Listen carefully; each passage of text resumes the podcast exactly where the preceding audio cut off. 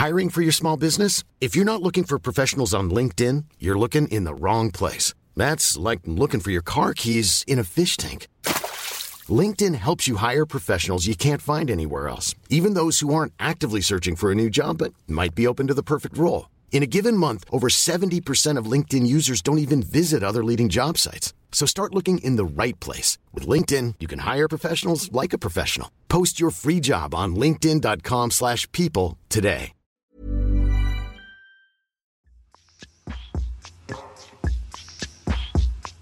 På en måde handler den her melding fra Pernille Vermund, den handler jo egentlig ikke særlig meget om ny borgerlige, og hvad der skal ske med ny borgerlige. Fordi det afgør Pernille Vermund overhovedet ikke. Nyheden, den handler om Pernille Vermund og hendes fremtid i dansk politik. Pernille Vermund, hun vil lægge nye borgerlige i graven. Partiet, som hun selv var med til at stifte for mere end 8 år siden.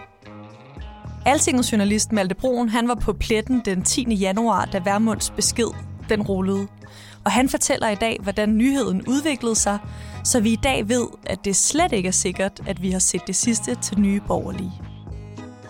Jeg hedder Karoline Tranberg, og du lytter til Altinget Azure.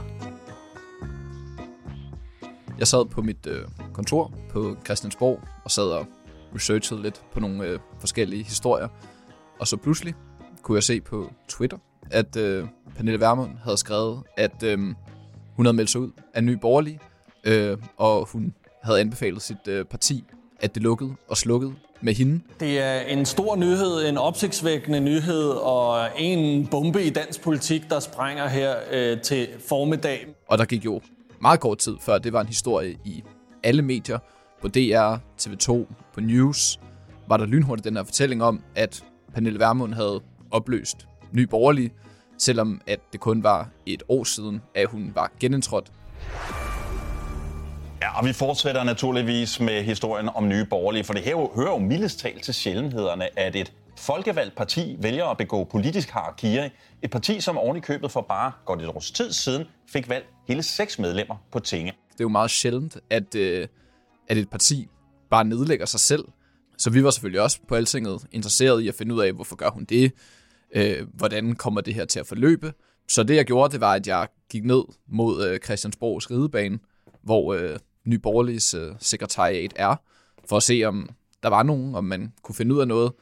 Og så øh, på vej derned, så kan jeg ligesom se, at Pernille Vermund, hun allerede er i gang med at stå og give interviews. Det er tid til at øh, nødlande og, øh, og så sørge for, at de mange gode kræfter, der er i Nye Borgerlige, kommer sikkert over i andre partier, så de kan fortsætte den kamp, som er så vigtig. Hun siger jo, at øh, det er tid til, at øh, Nye Borgerlige lukker og slukker, og det handler om, at der er for mange borgerlige partier. Der er brug for, at øh, hvis der skal være et troværdigt borgerligt alternativ til den nuværende midterregering, så er der brug for at samle kræfterne, og derfor giver det simpelthen ikke mening, at øh, ny borgerlige fortsat eksisterer. Og så har hun også det her andet afgørende argument, som er, at stemmespil kan blive et problem for det borgerlige Danmark, og øhm, det vil hun ikke ligesom være med til, og derfor mener hun, at det er det rette at lukke partiet. Hvad er det for nogle spørgsmål, øh, journalisterne, og inklusive dig selv også, stiller til Pernille Vermund i den her situation? Meget hurtigt, så kommer det jo til at handle om, for det første, hvad skal Pernille Vermund nu? Hun har været en markant profil i dansk politik i snart øh, 10 år. Hun har selv oprettet Ny Borgerlige, hun har drevet det. Øh, hun er kommet ind ved øh, to folketingsvalg. Øh, så selvom partiet ligesom har haft sine kriser og sine udfordringer, så er det jo et parti på Christiansborg, der har spillet en, en vis rolle i dansk politik. Øh, så spørgsmålene går selvfølgelig meget på, hvad skal Pernille Vermund nu? Er hun færdig i politik? Øhm, hvad er det for et parti, hun eventuelt ønsker at øh, fortsætte i? Jamen, det bliver definitivt et borgerligt parti, men hvilket, det øh, har jeg ikke taget stilling til endnu. Og jeg synes også, lige nu handler det her for mig om, øh, ja, om nye borgerlige. Og så handler det egentlig i mindre grad om, hvad det er, der helt konkret skal ske med nye borgerlige, og hvordan at partiet konkret skal lukke. Det er som om, at den del kommer lidt i baggrunden. Hvad gør du og vi på Altinget så ved den her nyhed, eller den her udmelding fra Pernille Vermund? Vi får travlt, selvfølgelig, for vi er et politisk medie, så vi skriver selvfølgelig historien om, at Pernille Vermund, hun har sagt det her, og så vælger vi så at øh, vinkle på, om hvorvidt er ny borgerlig, hvad er det for et, øh, hvad er det for et aftryk, ny borgerlig har, øh, har givet på øh, dansk politik. Øhm, vi, øh, vi skriver historien om, hvordan Pernille Vermund, hun ligesom har en fortælling om, at selvom partiet øh, aldrig har været en del af en, øh, en regering og aldrig er blevet et stort parti, så mener hun stadigvæk, at det er et parti, som har haft en afgørende indflydelse på dansk politik ved grundlæggende at gøre de andre partier mere borgerlige. Hun har sådan en fortælling om, at efter hun er kommet ind, så har Liberal Alliance rykket sig i en mere sådan værdikonservativ retning. Øh, Dansk Folkeparti har fået en ny ledelse, der har en meget mere sådan øh, kontant linje øh, i forhold til udlændingen. Hun har jo den her fortælling om, at øh, Ny Borgerlige blev skabt i 2015, fordi at øh, Christian Tulsendal øh, sad på hænderne under flygtningekrisen. At bo- Ny Borgerliges øh, protester ligesom har sat sit aftryk på de andre borgerlige partier, som har rykket sig i en retning, der minder mere om Ny borgerlig, og dermed mener hun, at Ny borgerlig har været en succes. Jeg spørger hende, har du opbakning i dit bagland til det her? Og der siger hun jo egentlig faktuelt korrekt, at hun har lavet en indstilling til partiets hovedbestyrelse om, at partiet lukker, og at øh, de har valgt at efterkomme den indstilling. Så forståelsen blandt journalisterne bliver ligesom, at det er på en måde lidt af en petitesse, øh, noget der bare lige skal gøres, øh, og at hun har opbakning til det her i partiet. Hvad er problemet med øh, de historier, der kommer ud efter Pernille Vermund, hun øh, kommer med den her udmelding om at opløse øh, Nye Borgerlige? Problemet er, at den fortælling jo i bedste fald er meget upræcis. I værste fald er den forkert. Fordi de seneste dage har jo vist os, at der faktisk er rigtig meget, der tyder på, at Nye Borgerlige slet ikke kommer til at blive opløst. Der er ingen mening i at opløse vores parti for at blive opsuget af andre partier. Det er de andre partier, der må se at komme af med nogle ordentlige bud til befolkningen. Og det mener jeg, at vi kan gøre med Nye Borgerlige. Hvorfor sker det, at nyheden kommer ud på denne her, i værste fald, helt forkerte måde? Jeg tror, det har noget at gøre med, at ting går rigtig hurtigt i moderne medier og i moderne politik.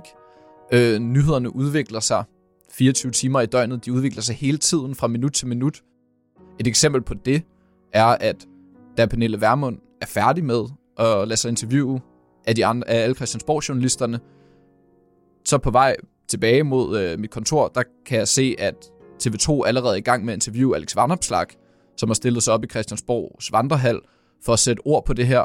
Jeg tænker, det må have været en svær beslutning for, for, for Pernille øh, og for Kim for den sags skyld. Øh, men det er en beslutning, der i, i hvert fald i min ende aftvinger ret stor respekt. Øh, jeg ser det lidt som øh, sådan en offring for, for, en, for en større sag. Han roser øh, Pernille Vermund for at have taget den her modige beslutning, og han siger, at det er en god dag for det borgerlige Danmark, at nu samler kræfterne sig ligesom så meget hurtigt i blandt politikere, medier, journalister, så bliver det en etableret fortælling, at ny borgerlige ikke længere findes. Det bliver sådan en, øh, det bliver en sandhed.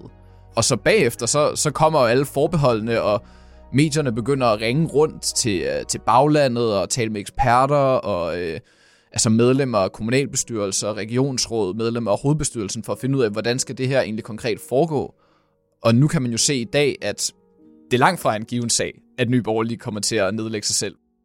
Selvfølgelig hører det med til historien, at Ny Borgerlige står i en markant dårligere situation, end de gjorde før Pernille Vermund. Hun øh, kom med den her melding. Det er der ingen tvivl om. Men det er jo også vigtigt at huske, at et parti er meget mere end en folketingsgruppe og en formand.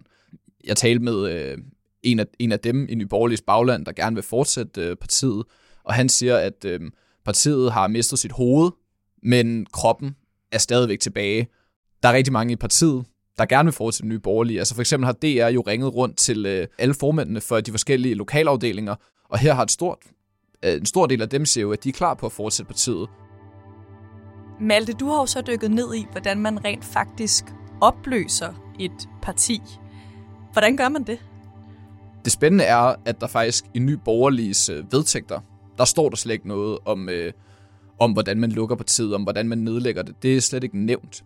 Til gengæld har øh, den organisatoriske næstformand, Frederik Meier, han har været ude at sige, at øhm, hvordan det konkret skal foregå, det skal, partiet, det skal partiets hovedbestyrelse aftale på et møde den 27. januar, men han har sagt, at måden, de kommer til at gøre det på, det er, at øh, de kommer til at indkalde til to ekstraordinære landsmøder, hvor de delegerede skal stemme om det, og han har så sagt, at i begge tilfælde, der skal to tredjedel af dem, der stemmer, stemme ja til at nedlægge partiet for, at, øh, for at det kan ske.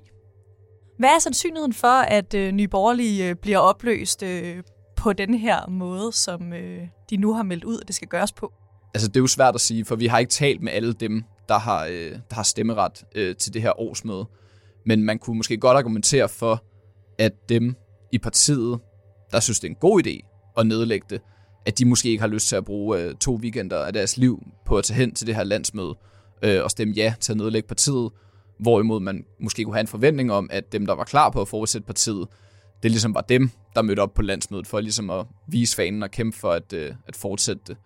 Og man har jo også kunne se, at øh, for eksempel en øh, Martin Henriksen, der er partiets øh, spidskandidat til, øh, til EU-valget, tidligere øh, medlem af Folketinget for Dansk Folkeparti, formandskandidat for Dansk Folkeparti, der nu er i ny borgerlig, han har været ude og, og sige, at han sådan set er klar på at øh, overtage øh, formandsposten. Så er der venlige sjæle, der har spurgt mig, om jeg vil hjælpe med at øh, køre partiet videre, og også om jeg vil overveje at, øh, at stille op som, øh, som formand, og jeg har ikke sagt nej, og jeg har heller ikke sagt, øh, sagt ja. Så det overvejer jeg seriøst, det synes jeg, at det skylder man. I medierne er, er, er der også øh, blevet spået om, hvorvidt at øh, for eksempel en, en Lars Bøje, der tidligere har været formand for partiet, men øh, blev, blev smidt ud af partiet sidste år, øh, om han kunne overveje at, øh, at vende tilbage. Det vil han hverken bede eller afkræfte. Der har også været spekuleret i, om Henriette Ervemann, der er tidligere næstformand for partiet, måske også kunne øh, vende tilbage. Øh, og det, det vil hun heller ikke selv udelukke.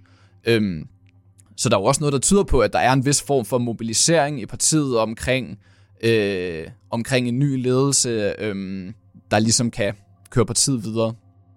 Et helt afgørende argument for, at ny borgerlige har ret gode muligheder for at overleve, det er, at partiet er valgt til Folketinget.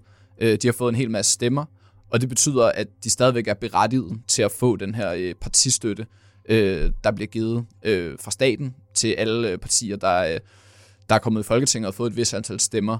Sidste gang, der blev uddelt penge, der fik de, der fik de lidt under 3 millioner kroner. Så hvis det er, at de ligesom fortsætter med at søge om de her penge, så har de jo altså penge, de kan bruge på kampagner, kandidattræning, øh, valgkamp, øh, på møder, på at ansætte folk til at arbejde for dem osv., øh, som kan give dem et grundlag for ligesom at fortsat eksistere som parti. Derudover kan man også nævne, at det er et parti, der har et stort kommunalt og regionalt bagland. Altså, der sidder, øh, jeg tror, det er syv, de har 37 medlemmer af kommuner i Danmark, der er valgt ind, og som hver dag arbejder for nye borgerlige. Og det er jo også en ressource, de kan trække på. Altså, det er et lokalt forankret parti. Det, der taler imod, øh, det er, at i og med partiet ikke længere har en folketingsgruppe, så kan de ikke som udgangspunkt stille op ved næste valg, og det betyder, at de skal ud og øh, samle en masse vælgererklæringer, hvis det er, at de også vil stille op til næste folketingsvalg. Hvad for en skæbne kan partiet, det der kommer til at stå tilbage, se ind i, hvis ikke det bliver opløst? Der er ingen tvivl om, at Nye Borgerlige står i en rigtig svær situation, efter Pernille Vermund har taget den her beslutning. Men omvendt kan man jo argumentere for, at selv i de perioder, hvor det stod stået allersløjst til nye borgerlige, øh, kriser, skandaler, interne konflikter, øh, Lars Bøje, der bliver, der bliver valgt som ny øh, formand, øh, fyret igen en måned efter på grund af interne stridigheder omkring hans løn. Selv i de perioder har der jo i meningsmålingerne har det set ud til, at nye borgerlige øh, altså lå over de der 2 procent. Øhm, så man kan godt argumentere for, at der er en kerne af vælgere, der ser sig selv i ny borgerlig, og som mener, at ny borgerlig har en berettigelse i, øh, i dansk politik og, øh, og på Christiansborg. Malte, hvad har du som journalist fået ud af at følge udviklingen i den her nyhed? Jeg tror, jeg har fået det ud af det, at man skal være meget varsom som journalist omkring, hvad man skriver, omkring sådan nogle her store nyheder, der kommer ud så hurtigt og voldsomt, øh, som det er gjort i det her tilfælde. Fordi det, det, det bekræfter jo lidt det her, man siger nogle gange med, at det er den første vinkel, der vinder. Men jeg vil da ønske, at vi havde fokuseret hurtigere og mere på, hvad folk i hendes eget parti siger til det, i stedet for ligesom at gå med på den her øh, nekrologskrivning, øh, opgørelse af ny borgerlig øh, eftermæle, som har fyldt rigtig meget i, øh, i alle medier. Pernille Vermund, hun tog jo beslutningen med et argument om, at det her, det var godt for sammenholdet i en borgerlig blok, og at det vil være noget, der kunne forhindre stemmespil ved et kommende folketingsvalg. Men når vi ser her på de seneste dage, hvordan historien har udviklet sig, hvordan bag, baglandet har reageret, så kunne man godt argumentere for, at hendes beslutning får den helt modsatte konsekvens. At hvis Pernille Vermund virkelig var interesseret i at undgå stemmespil og undgå konflikter i Blå Blok, så skulle hun jo blive ny borgerlige og samle partiet og sørge for, at nye borgerlige bidrog til den, til den fælles borgerlige blok. Men, men det er jo ikke det, hun gør her. Tak, fordi du lyttede med til Azure i dag. Emma Klitnes og jeg stod bag dagens podcast, og vi spillede klip fra TV2. Jeg hedder Karoline Tranberg, og vi lyttes ved.